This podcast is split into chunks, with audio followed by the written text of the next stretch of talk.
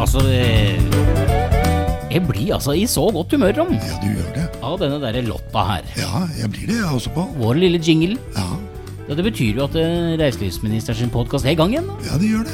Jeg er, så, jeg er så glad at jeg nesten begynner å danse rømba, Pål. Og rømba med Gunn. eh, Og sånn- rømba er det verste jeg veit. Ja, da skal vi se om er Så glad er jeg. Ja, så glad har de blitt.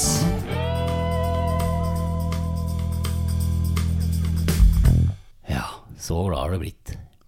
Velkommen til fjells. Takk for det. Vi har jo koronarestriksjoner å forholde oss til. Ja. Og nå er det slik at man kan være to mennesker med to meters mellomrom. ja. Og det er vi. Her sitter vi, Pål. Her To, to herrer To herrer. med to meter mellom oss. Fremdeles med et vikarierende motiv som reiselivsminister. Ja. Reiselivet fikk seg en trøkk denne uka, vil jeg si. ja, det gjorde det. Nå kom det jo nye eh, nasjonale restriksjoner. eh, og nå er jo det meste stengt på. Ja, Og så ble de så sinna i Trondheim. Å, de ble så sinna! Og så så sinna de ble. Som bare trøndere kan bli. Ja, og det var, så, det var nesten litt underlig sinne, fordi at det var ingen som var skikkelig sinna i nasjonale medier når mi bygd ble stengt ned og bare rappa alle gjester og slik. Men nå Og de bygd er jo samme som mi bygd, Pål. Ja. Vi er jo i Viken. Ja, Viken. Nei, de ble så sinna at det blafra i barter. Ja, det er vel steike. Altså, det, var, det var nesten underlig. Eller det var vel ikke underlig, men det er litt sånn urett, urettferdig. Er det mange som begynner å bruke ordet nå. Urettferdig. Alt er urettferdig nå. Man kan skjønne raseriet, Pål. Ja, man kan. For vi er, vi, er, vi er slitne nå. Vi har, eh, nå vil vi ut. Nå vil vi rive av oss skjorta og, og ut og, og få vind i håret og Mm. sol i ansiktet. Ja. Og så er det jo eh, påske. Det kan, man jo, eh, det kan man jo huske på. Det er jo bare å se ut, så er det jo sikkert strålende sol der du er. Altså Her med sitt er det i hvert fall strålende sol, og det er det er hele påska ofte. Eh, og så har vi jo gjest i dag. Det har vi. Men den er jo ikke her. Nei, for det får vi ikke lov til. Nei, det er strengt forbudt. Ja. Uh, og og vi, skal hø vi skal høyere på høye, som det heter. Uh, men vi har jo tatt med oss altså denne teknikken. Eh, Line Renate Samuelsen oppe i Lofoten. Velkommen! Takk og takk. Åssen står det til i Svolvær? Her står det greit til. Det er veldig stilt på reiselivsfronten og et fryktelig uvær. Ja. Et rett og slett et, et svollvær. Ja, den var bløt. Ja, ja. Den var bløt. Ja, Du skal, få, du skal få poeng for den. Ja, jeg er ikke sikker på om jeg ville poenggitt meg selv, egentlig. Nei, nei. Den var litt under standard. Ja. Men Line, eh, velkommen til reiselivsministeren og, og podkast. Eh, vi har jo snakka sammen eh, ei stund om at du skulle være gjest, så, så tusen takk for at du nå fant tid i travel hverdag. Skulle ellers bare mangle. Jo, jo. Altså, og jeg legger litt sånn trøkket på travel, fordi at eh, du har jo en jobb som ganske mange andre har tilsvarende jobb som. Kan ikke du fortelle hva Line Renate Samuelsen driver med i Visit Lofoten? Line Renate Samuelsen er reiselivssjef i Lofoten. eh, Og hverdagen nå, eh, akkurat nå, består jo veldig mye i å rådgi næringa i forhold til hva gjør vi nå. Eh, Men ellers så er det å utvikle reiseliv i Lofoten, jobbe med bærekraft, jobbe med riktighet på riktig sted til riktig tid. Og alle de tingene som egentlig tilfaller et destinasjonsselskap som ja, ikke har blitt mindre med tida enn det var før. Mm. Du sier, Line, jobbe med næringa. Eh, Mm. Kjapt spørsmål der. Hvordan står det til med næringa nå? Er det liv i dem? Er det Altså, jeg, jeg tror, Her i Lofoten så har de jo klart seg, eh, mange til nå. Nå er det um, dypt fortvilelse, tror jeg. Etter denne siste knekken, så, så tror jeg mange er veldig fortvilt. Tror det.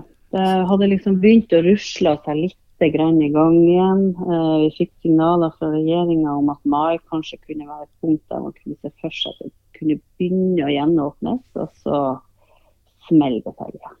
Påvirker det typen bestillinger for, eh, for sommeren, f.eks.? Som vi jo regner med blir en norsk affære uansett? Ja, det blir nok norsk. Og, og altså litt usikkerhet knytta til situasjonen nå og en del medieomtaler, så har man vel hatt en god del kanselleringer også litt inn i sommeren. For hva er den norske sommeren? Når starter den? Sånn at uh, De har vel fått en del kanselleringer helt i juni. Ja. Men, så, på, uh, men, på, den andre sida der, Line, så er det jo sånn at uh, når en ser på TV uh, mm. i Viku før påske i hvert fall, så har jo Widerøe og, og SAS f.eks., to flyselskap som jo har flyvninger oppover, nordover, mm. har jo brukt disse surfebildene fra Lofoten og, og, har kjørt en ganske spenstig kampanje oppover der. Så det, det er jo noen som har trua på, på Nord-Norge og reiselivet og Lofoten og alle det. Så det er jo litt drahjelp å få der òg, kanskje? Absolutt. Og jeg tror jo mange har, har Lofoten på uh, ferieplanene sine i år òg. Mm. Det viser jo òg at bookingene for selveste fellesferien og sommerferien er, er, ser bra ut. Det gjør det. Ja. Uh, men det er jo nordmenn uh, i år som i fjor uh, mm. som kommer. Det, ja, jeg det utenlandske markedet må vel til langt. Ja. Man kan vel ikke forvente noe annet. altså Vi er nok ikke der ennå at utlendingene kommer i mm. sommer. Nei da. Det, men det, altså, det vi får bare håpe på nå, det er jo at det blir såpass at man får den sommeren som, som er forespeila. Og Lofoten er jo sånn sett heldig stilt. For jeg tror jo denne pandemien har gjort noe med gjestene våre så i forhold til det by, bygd. Altså, man kanskje vil ha litt mer space når man drar på, på tur og ferie. og pakker seg ikke sammen på de største plassene. Mm. Mm. Uh, hvis vi tar dette her helt fra starten, for vi har jo uh, mm. veldig mange ulike typer lyttere på podkasten vår. Noen uh, er jo garva reiselivsfolk, noen er jo veldig nysgjerrige og helt uh, noviser på, på hvor reiseliv er for noe. Og så har vi, vi vet jo blant annet at Norsk reiselivsfagskole på, på Geilo sitter jo og lytter nesten litt sånn som pensum på dette. Og hvis du da, mm. Line, som, som altså jobba i Visit Lofoten, som er et destinasjonsselskap, hvis du skulle bruke et minutt da på å forklare hvorfor destinasjonsselskap eh, har ei rolle, eh, og kanskje før det mm. forklare litt hva et destinasjonsselskap er for noe. For det er jo, det er mange ulike utgaver. Men, men, ta nå ditt eget som du kjenner godt av. Hva, er egentlig et destinasjonsselskap som, som du da har ansvar for? Ja, altså det kommer jo litt an på hvordan du skal definere det ut fra en forretningsmodell, eller om du skal definere det ut fra hva vi gjør. da. Mm. Uh, men for å gjøre det enkelt, så kan jeg jo uh, ta det ut fra de roll, den rollen vi har i lokalsamfunnet og overfor næringa. Mm. Sånn at vi har jo gått uh, fra å være altså det man har snakka om en stund, fra å være DMO til å bli et DMMO. Altså management er kommet inn som en del av oppgaven.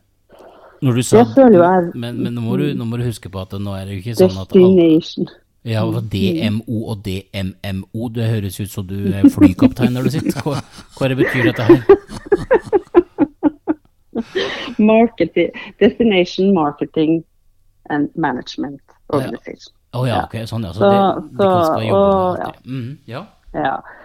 Så det vil jo si at vi skal jo jobbe egentlig med helhetlig utvikling for hele destinasjonen. Og det handler jo ikke bare om markedsføring og det å få gjester hit. Det handler faktisk mye om å rigge reisemålet for å ta imot de rette gjestene som vi ønsker oss hit.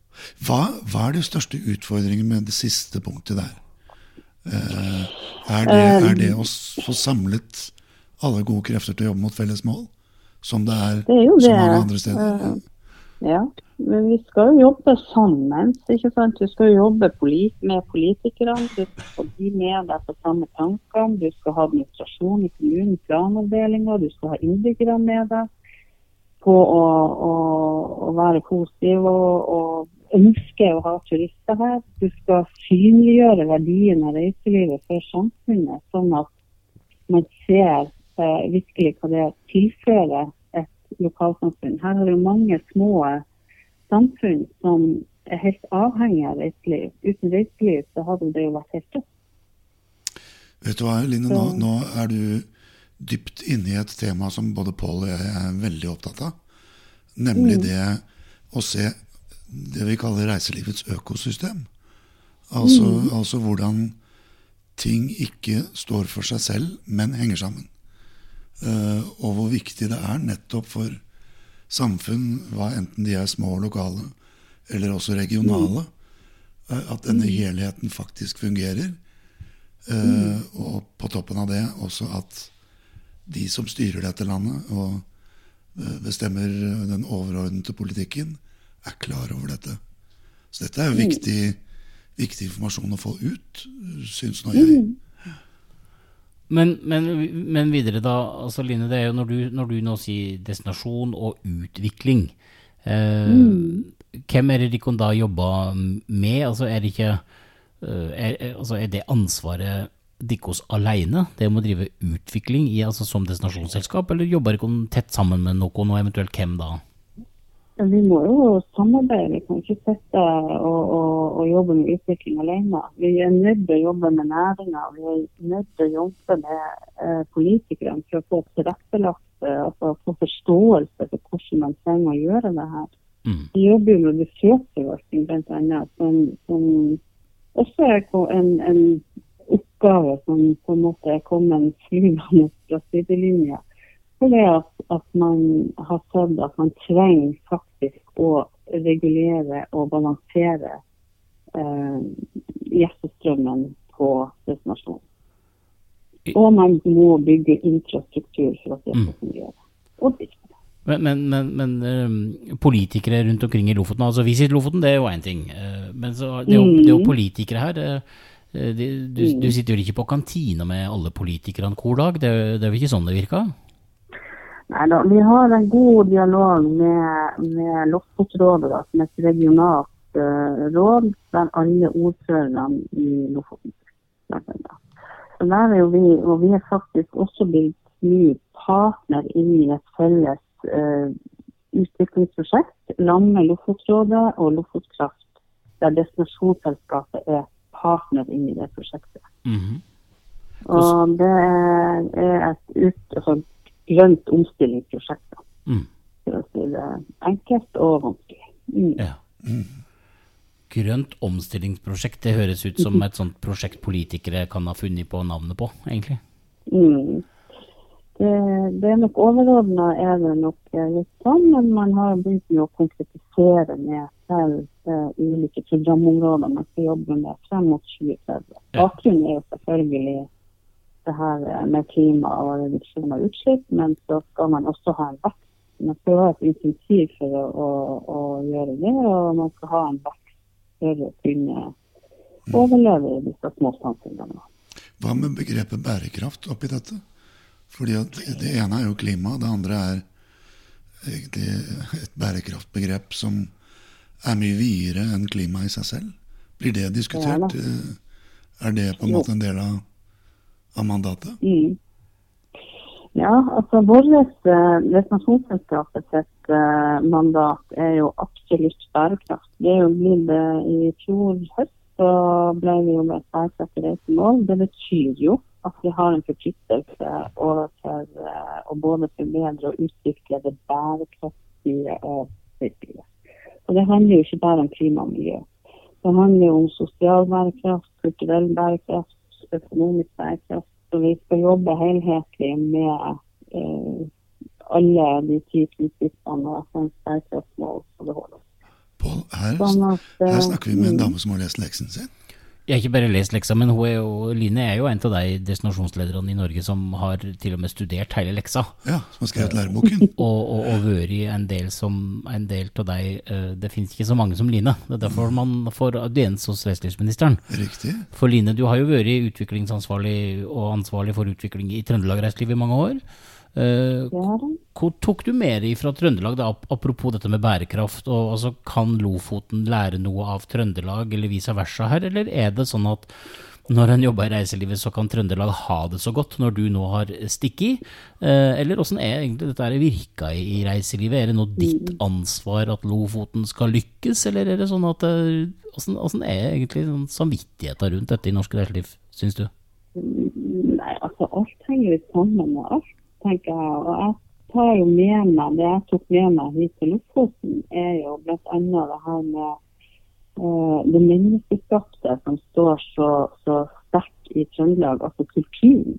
Uh, som man har som, som, på en måte den, den, det treet som de jobber med i Trøndelag. Mm. Det har man jo ikke jobba like mye med på naturdestinasjoner sånn som her i Lofoten. Her er det naturen som driver og, og, har vært det i alle de år. Men vi må huske på at det er eh, også kulturaktiviteter som man må ta med seg inn i utviklinga videre. Og det går jo på at man skal ha flere bein å stå på. Man skal ha økt lokal verdiskapning. Det er uttalt at man skal ha det, og da kan man ikke dure på å kunne på én fot. Da må man ha flere føtter. Og da trenger man å tenke høyt. Men, men, har ikke Lofoten hatt trua på egen kultur og, og egen historie, eller har man blitt litt blenda av disse her, uh, fjelltoppene som står i en eller annen uryddig rekkefølge fra fastland og ut til mm. Røst? Jeg tror nok man har hatt trua, men det er mer det der å sette ting i et system. Mm. Uh, og, og, inkludere det som en del av reiselivet. Og det er jo det dere snakker om, Tom, også. At det her med økosystemet. Ja. Uh, for det at det er jo ikke gitt at det som skjer på Kulturhuset er en del av reiselivet. Hvis man ikke jobber med det. Nei, ikke sant. Og det er ikke gitt at uh, alle kunstnere som kommer til Lofoten og driver gallerier, er en del av det organiserte reiselivet, hvis man ikke jobber for at det skal bli det. Sånn at uh, man må jo ta et ansvar for å inkludere og samhandle hvis man skal få til ting. Og, der, og der er det vel ofte skoen trykker, er det ikke det? Uh, vi snakker jo om, å, om, om, at kulturliv er en del av reiseliv, at mm. landbruk Eh, mm. Matvareproduksjon, ølbrygging eh, mm. er en del av reiseliv. Og selvfølgelig da lokal historie. Mm. Det, det, er jo så mye. Men for alle er ikke dette like opplagt. Så, så det er jo en, en, viktig jobb du gjør der. er jo Uh, du, du, introduserte jo, eller Vi har snakket om to Brundtland-begreper så langt, nemlig, nemlig, bærekraft og at alt henger sammen med alt. Mm. Uh, og det, dette er, det er viktige ting du holder på med der. Mm. Og utfordrende eh, til tider. Mm. Pål ser Utfordrende, men det er jo veldig spennende, da. Ja, ruggeren. Nå, nå sitter Pål med en knapp her. Altså, og den knappen ja, det, betyr jo altså, ikke taktskifte. Nei, nei, nei, nei. For at nå var vi, vi var så godt i gang i praten der, men, men Line, folk har jo antageligvis eh, for lenge siden skjønt at du, du er jo ikke trønder. med denne dialekta der. Så du, altså, du, er jo nordlending som altså, du har jo uh, hatt Du har jo slått rot i, i Trøndelag, og så stakk du til Lofoten. Uh, og, og, nå er jeg spent. Hva er det som har overraska positivt med reiselivet i Lofoten uh, for en uh, harstadværing? som ikke har bodd i Lofoten på sett og vis noen gang, egentlig. da, Men hva er det som har imponert det mest med reiselivet der oppe? Nå kom jo jeg hit i en tid da det var egentlig ganske stengt. Eh, ja. Men jeg kom jo opp hit i, i, høsten 2020. Men jeg har jo lært meg å bli kjent med et energisk løsliv. Og så er det så mye stå-på-vilje og ærlighet og redelighet i forhold til det å få til ting. Så jeg er kjent imponert over de som jobber i reiselivet. Det mm. er altså folk som bretter opp armene og snur seg fort Eh, når det må snuses. Mm. Men, men, du har jo likevel, altså, selv om noe der har imponert deg, så har du jo likevel. Du sier at du kom der til høsten 2020, eh, og så går det jo ikke så veldig mange månedene der. Og så les vi i eh, både den ene og den andre kilden at nå har destinasjonsselskapene i Nord-Norge tatt affære og samla kreftene. Uh, og jeg tar vel ikke mye feil om, om ditt blide åsyn og ditt kloke hode er en del av det initiativet? Ja, jeg skal ikke lyve og si at jeg ikke var en del av det. For det var vel absolutt det. Ja. Men hva er det dette betyr, Line? Altså, nå har vi lært litt om destinasjonsselskapet, og det vi mm. forstår er at det er jo veldig mange arbeidsoppgaver. Det handler om utvikling. Mm. Eh, de kan jobbe med eh, det å få markedet til å eh, finne dere. De kan jobbe med utvikling av selve bedriftene. De kan gjøre veldig mye, og i mm. samarbeid med politikere. Mm. Og så skal da ulike destinasjonsselskap samle seg. Hvorfor er det nødvendig? Nei, det handler vel mye om altså, det de, altså Mange sier at, at destinasjonsselskapene er vanskelig å forholde seg til. De er fragmentert, ulikt organisert og, og, og trenger en egentlig destinasjonsselskap. Uh, og i denne koronatida så har vi jo også sett det at vår rolle er faktisk forsterka og blitt enda viktig enn noen gang. For at vi er faktisk førsteleddet som næringa tar kontakter når det skulle være noe. Mm. Mm. Eh, og så har vi òg sett at uh, vi har, uten at jeg skal gå tilbake i tid, den her såkalte strukturdebatten man hadde for noen år siden, Uh, så uten at man skal ta den på nytt, så ser vi jo at vi har mye å lære av å samarbeide med andre. Mm. Uh, og uh, vi trenger faktisk å tale vår egen sak Eh, både mot sentrale myndigheter, men også for å posisjonere oss og fortelle hva vi faktisk gjør og, utsette for de destinasjonene vi jobber på. Og Da er det jo ingen andre enn oss sjøl som kan gjøre det, tenker vi. Eh, så vi sparka i gang et initiativ i forhold til å prøve å få til et samarbeid Eh, på tvers av kommunegrenser og fylkesgrenser. Sånn at alle eh, destinasjonsselskapene i Nord-Norge, altså fra Helgeland og nordover til Finnmark, har nå gått sammen om å etablere det som heter Destinasjonsforum Nord. Hvis, helt konkret, hva, hva erfarer du, eller hva føler du er det sterkeste incitamentet bak å gjøre en sånn type Eh, ikke sammenslutning, men samarbeid. Er det for å få en stemme ut, eller er det for å få en, platt, en felles plattform hvor dere kan lære av hverandre? Altså, Egentlig jeg deler. For det blir jo litt Ole Brumm, det, da. Men, eh, men eh, altså, vi tenker jo strategisk også i det her. Og vi tenker kunnskapsdeling og, og det med å øke den kraft altså krafta til destinasjonsselskapene. For jeg tror faktisk det er veldig mange som ikke er klar over den jobben som ligger bak et destinasjonsselskap. Uh, det trenger man å synliggjøre.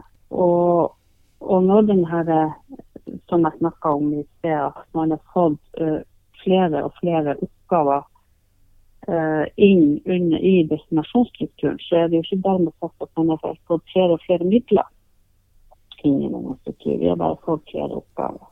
For samme antall personer og samme antall midler. Jeg mener å huske at vi hadde her en næringsminister som på et tidspunkt uttalte at destinasjonsselskapene nei, de trengte ikke å få tilført noen midler. For de satt jo bare inne på et kontor og bladde i papirer uansett. Nærmest. Litt satt på kanten. Men dere gjør mye mer enn det, selvfølgelig.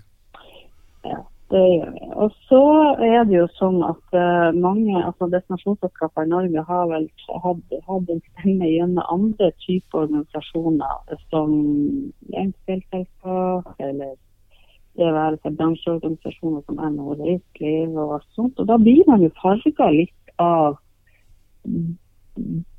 andre den andre organisasjonen sin forretningsmodell og sin, sin uh, plass i det her systemet. Men, men, det er jo sånn at, uh, ja. Mm. ja, ja, nei, og, og den, den der farginga der du sier noe, for, for, eh, for, for lytterne våre, Line, så må vi nesten eh, Vi må jo minne om og fortelle at det finnes jo noe som heter nordnorsk reiseliv. Og du sa bitte litt ja. om det i stad. Nordnorsk reiseliv det er jo en mm. fylkesordning. Uh, uh, landsdelsselskap. Ja. Det er landsdelsselskap, ikke sant? Mm. Som, som, da har Hvilket ansvar eller hvilken oppgavefordeling skal Dikkon gjøre Dikkon imellom, da? Er Dikkon en konkurrent til nordnorsk reiseliv? Nå dette henger sammen? Nei, det skal vi ikke være. Vi skal overhodet ikke ta over noen rolle i forhold til den strukturen. Men vi skal forsterke vår egen rolle. Mm. Og så tenker jeg jo nå, og, vi, og derfor jeg snakka litt om det her med strukturdebatten som var for en stund siden. For det går jo nettopp på roller. Mm. Eh, hvem skal gjøre hva? Og den diskusjonen har man faktisk ennå ikke tatt i norsk reiseliv. Nei, Hva den, er arbeidsfordelinga? Ja, for den ble nå i mm. hvert fall uh, lagt lokk på, fordi det ble jo et politisk spill om å fortest mulig lage Norge i en femdelt lita kake. Og så ja. sammen at Nord-Norge skulle være der, og så skulle Fjord der, og så skulle Sørlandet der, og så skulle uh, Nei, vent litt. Ikke sant? Og så stoppa det, fordi at det var ikke noen naturlige inndelinger. Og så ble en jo ikke pratende om arbeidsoppgaver i det hele tida.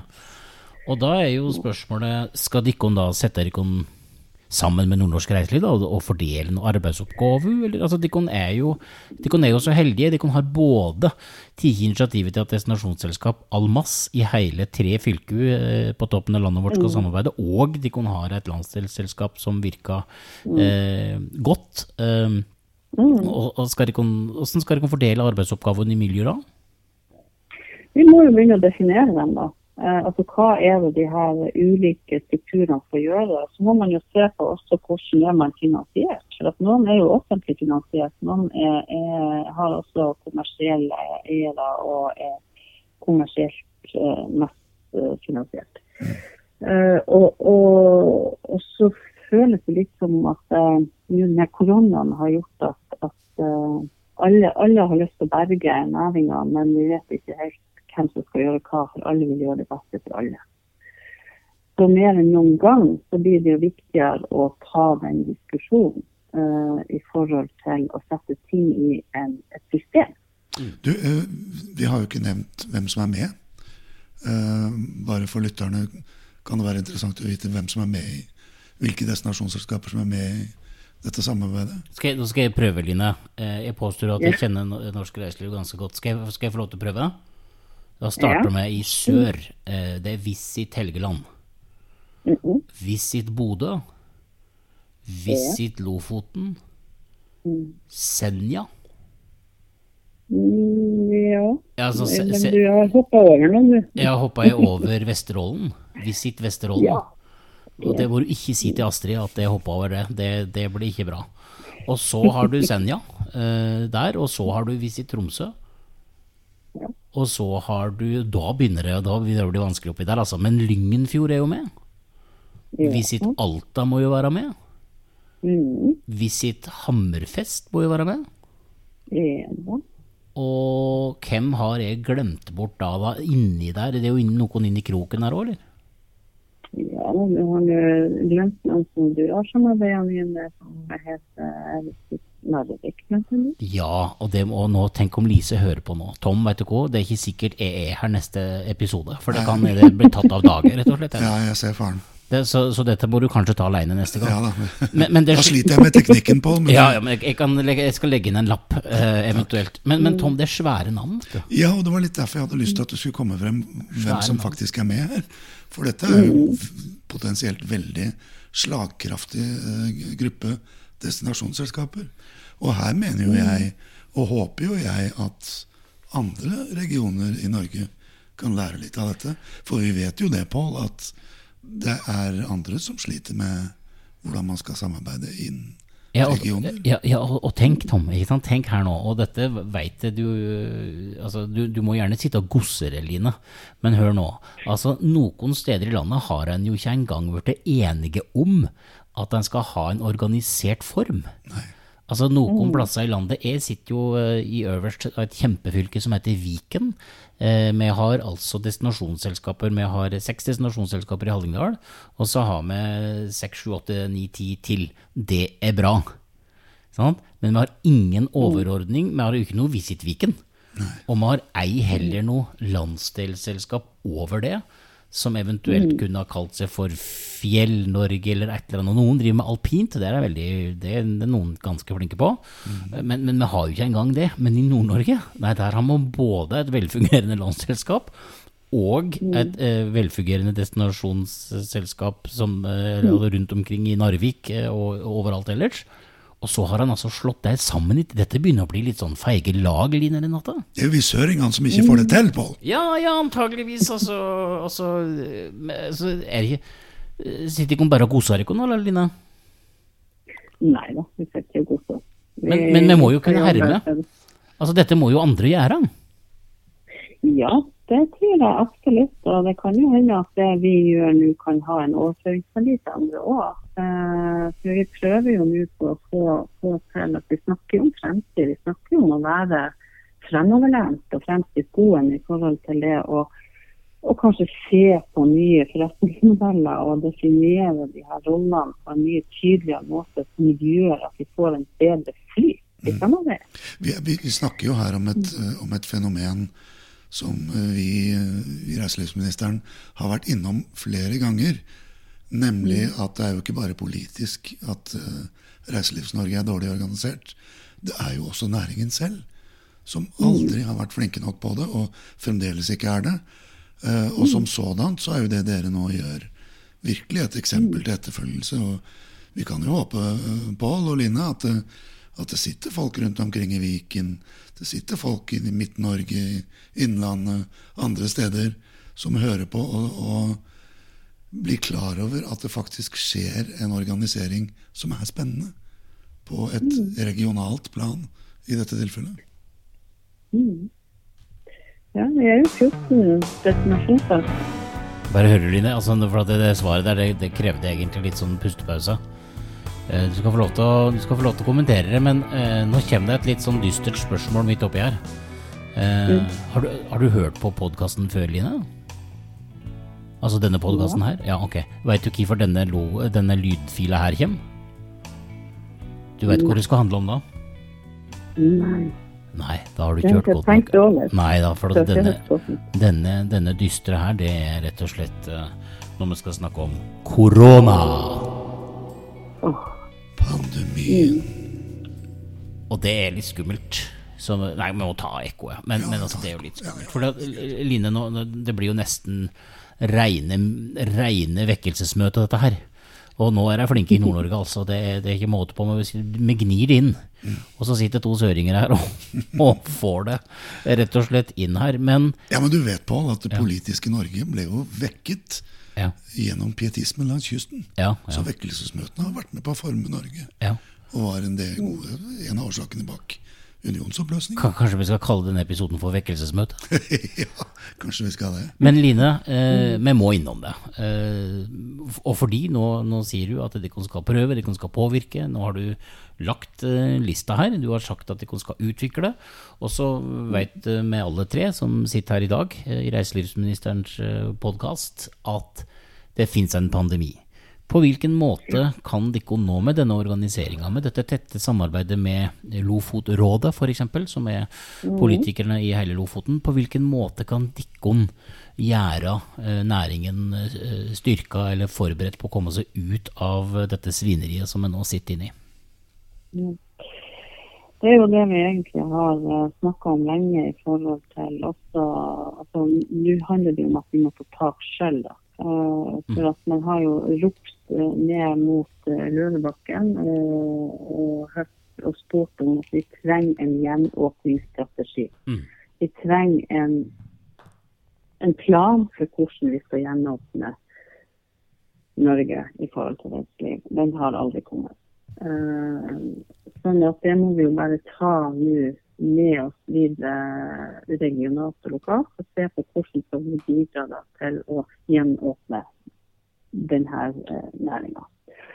Og så har vi jo en, en, en, mulighet i det her, egentlig. Eh, vi skal bidra så godt vi kan, både med kompetanse og utvikling og produktutvikling og målgruppestyrt innhold og i det hele tatt.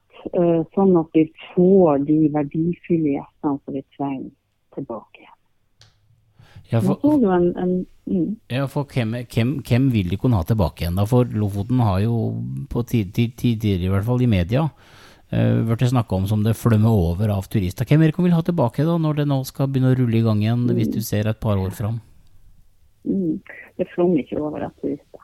Eh, Det, det er vel egentlig krefter som danner et, et, eh, et litt sånn dystert bilde. Så det er jo det, det som teller der, det er jo overturisme og, og den type ting.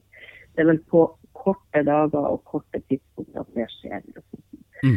Men det handler jo om å ha Vi snakker om bærekraft. Vi snakker om at vi skal ha en bærekraftig utvikling av vår destinasjon. Da må vi òg være villige til å ta en diskusjon om hvilke gjester ønsker vi å be på besøk, og hvorfor ønsker vi det.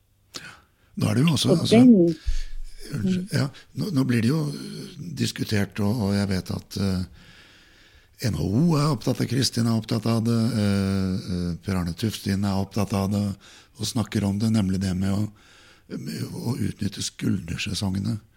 Eh, Og fordele turismen utover. Der ville jeg tro at Lofoten er kanskje heldigere stilt enn de fleste andre.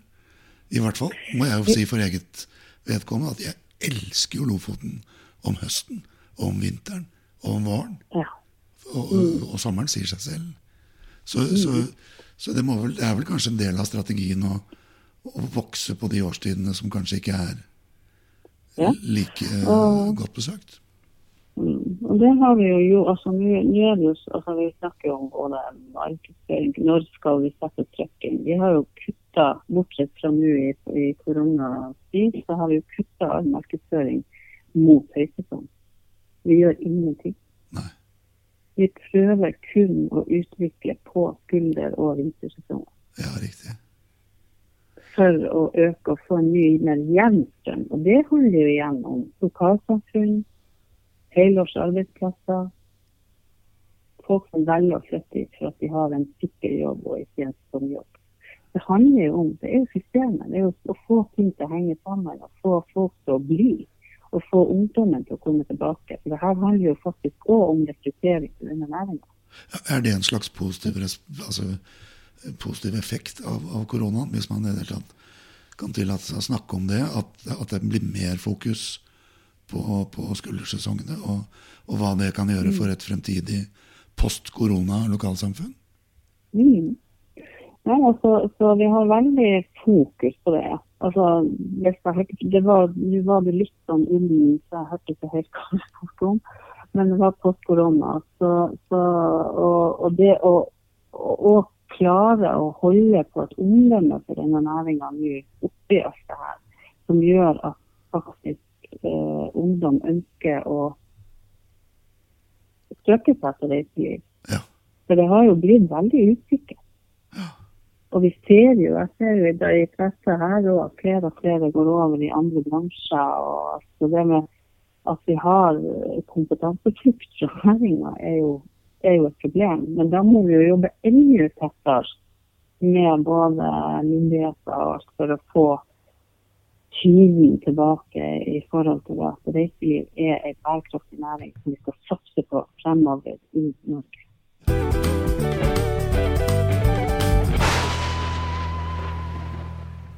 Og da, Tom Andersson, har vi kommet til eh, det punktet i podkastsendingene våre som jo vi gleder oss til hver eneste dag, da. Eh, og Line Renate, du slipper jo ikke unna. Du er altså da destinasjonsleder, uh, reiselivssjef. Eh, det er mange, mange fine navn på denne tittelen der oppe. Eh, og du veit jo helt sikkert hva som kommer nå, siden du har lytta til podkasten. Og, og Tom han eh, setter jo brillene på nesen, han, som vanlig, når dette spørsmålet kommer. Eh, og, og, og, renser sin fagre røst. Og, her kommer altså det helt, uun, helt uunngåelige spørsmålet. Eh, take it away, Tom B. Andersen. Ja, fordi eh, Pål Knutson Medhus, det er jo slik at vi ser jo for oss at vårt vikariat én dag er over. Men vi kjemper videre inntil eh, det kommer en permanent løsning på plass. eh, hvor vi trekker oss stille og rolig tilbake igjen og lager en statsforvalterpodkast. Ja, for det skal vi bli etter. Ja, det er jo dit, eh, det er jo dit pensjonerte politikere trekker seg i disse dager. Så, Line, når Pål og jeg trekker oss, så fylles tomrommet av en ordentlig ekte reiselivsminister. Det er rett og slett en del av regjeringskollegiet. Nå er det sånn at du faktisk innehar den stillingen. Og ikke nok med det, men du har vide fullmakter. Du kan nærmest sette i gang hva du vil. Og da spør jeg deg, Line.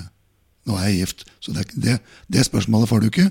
Men jeg spør deg, hva vil du sette i gang som reiselivsminister? Hva er de viktigste tiltakene du vil, med jernhånd og alle, absolutt alle øh, øh, fullmakter, dra ut? Og du har tre viktige hovedpunkter som du vil ha igjennom.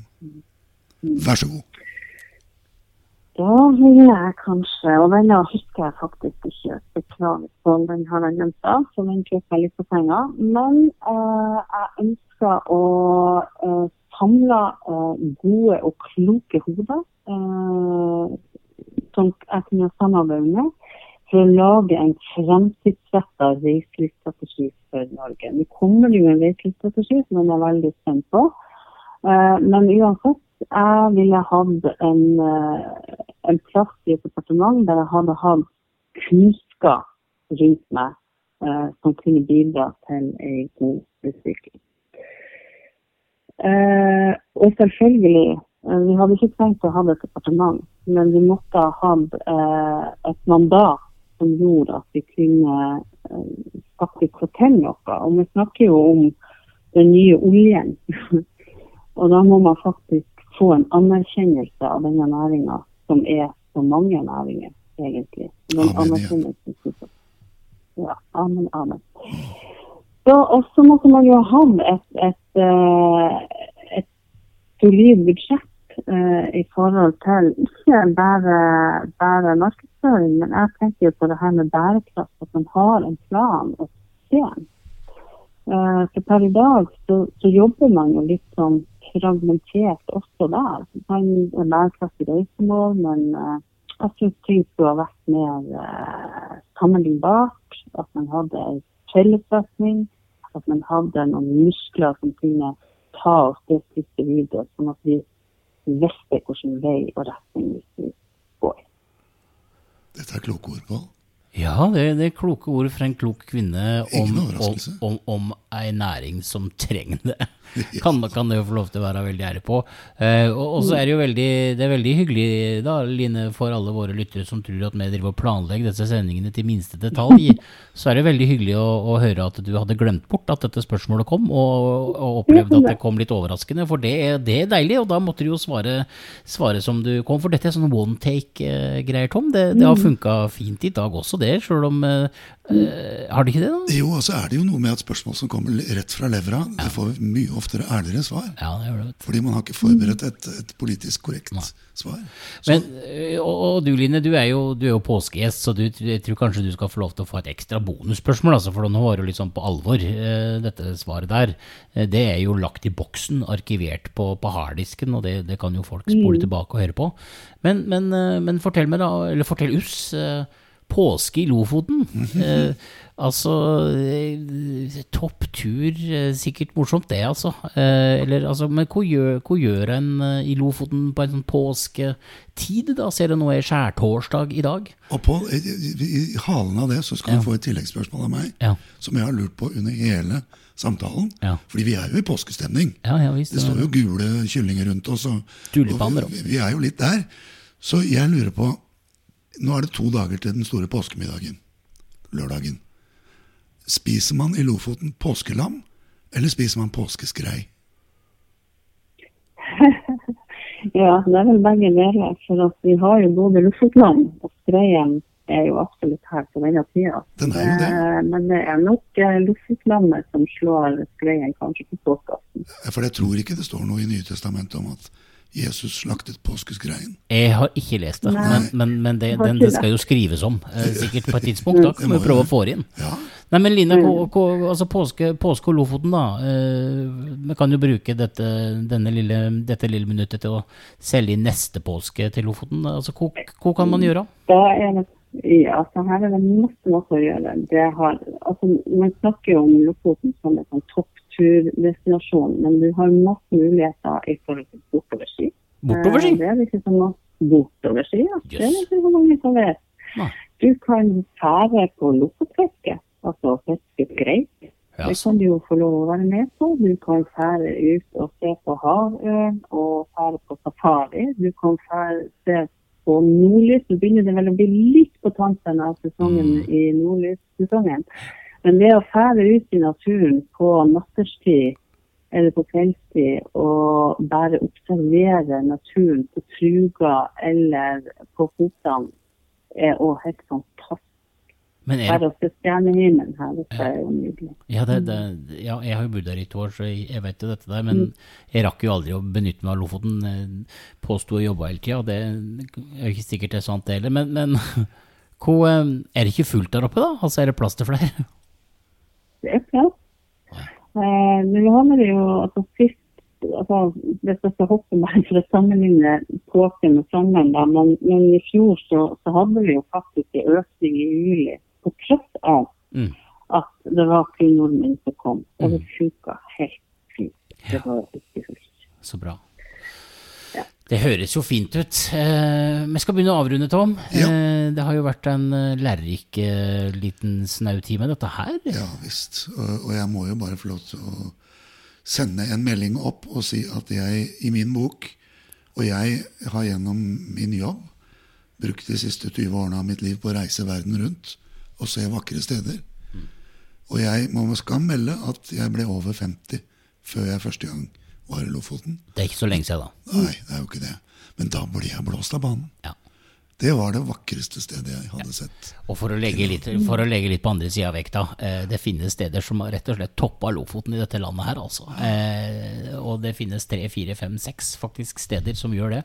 Eh, så vi får ta det litt ned igjen. Eh, men jeg ser du fikk tårer i øynene nå, Tom. Jeg gjorde det. Jeg gjorde det. Og jeg vil, opp, litt, du jeg vil tilbake igjen på Ja, fort. Jeg ser det på deg nå. Han, han- han sitter her og smågretter, Line. Du får invitere ham opp. Ja, men Tom, du er så hjertelig velkommen, og da må du bare ligge på. Så skal jeg ta deg med rundt. Takk skal du ha. Da kommer jeg med glede. Så fort jeg kan. Det er veldig bra. Tusen takk, eh, Line Renate Samuelsen i Visit Lofoten, for at du tok turen til reiselivsministeren. Det var aldeles eh, suverent hyggelig å ha deg med. Og så håper jeg at lytterne har fått med seg alt som er sagt. Eh, Litt sånn mobillinje fra stormfulle Lofoten gir jo noen utfordringer. Men tusen takk for besøket, i hvert fall, Line. Og fortsatt god påske. Og takk for at jeg fikk komme. Bare hyggelig, altså. Det er jo Det er det, Tom. Ja, Det er akkurat det det er. ja, det er akkurat det det er på. Det er påske, og det er god stemning. Eh, Har du, hatt en, har du hatt en fin dag på jobben? Jeg har hatt en aldeles strålende dag på jobben. Det er mye å lære av flinke folk oppe i eh, Nord-Norge der. Ja, du verden, altså. Og heldigvis, Pål, Ja. så blir vi aldri utlært, du og jeg. Absolutt ikke, men bare fylle på. Tenk for en eh, genial idé å sitte her og snakke med folk og bli klokere og klokere. Fantastisk. Det er jo veldig, veldig lurt. Det er rett og slett en Sareptas krukke. Den blir, den blir aldri tom. Den blir ikke det, altså. Men eh, du får ha god påske da, kompis. Du også, min venn. Så snakkes vi etter påske. Det gjør vi. Ha det! Ha det!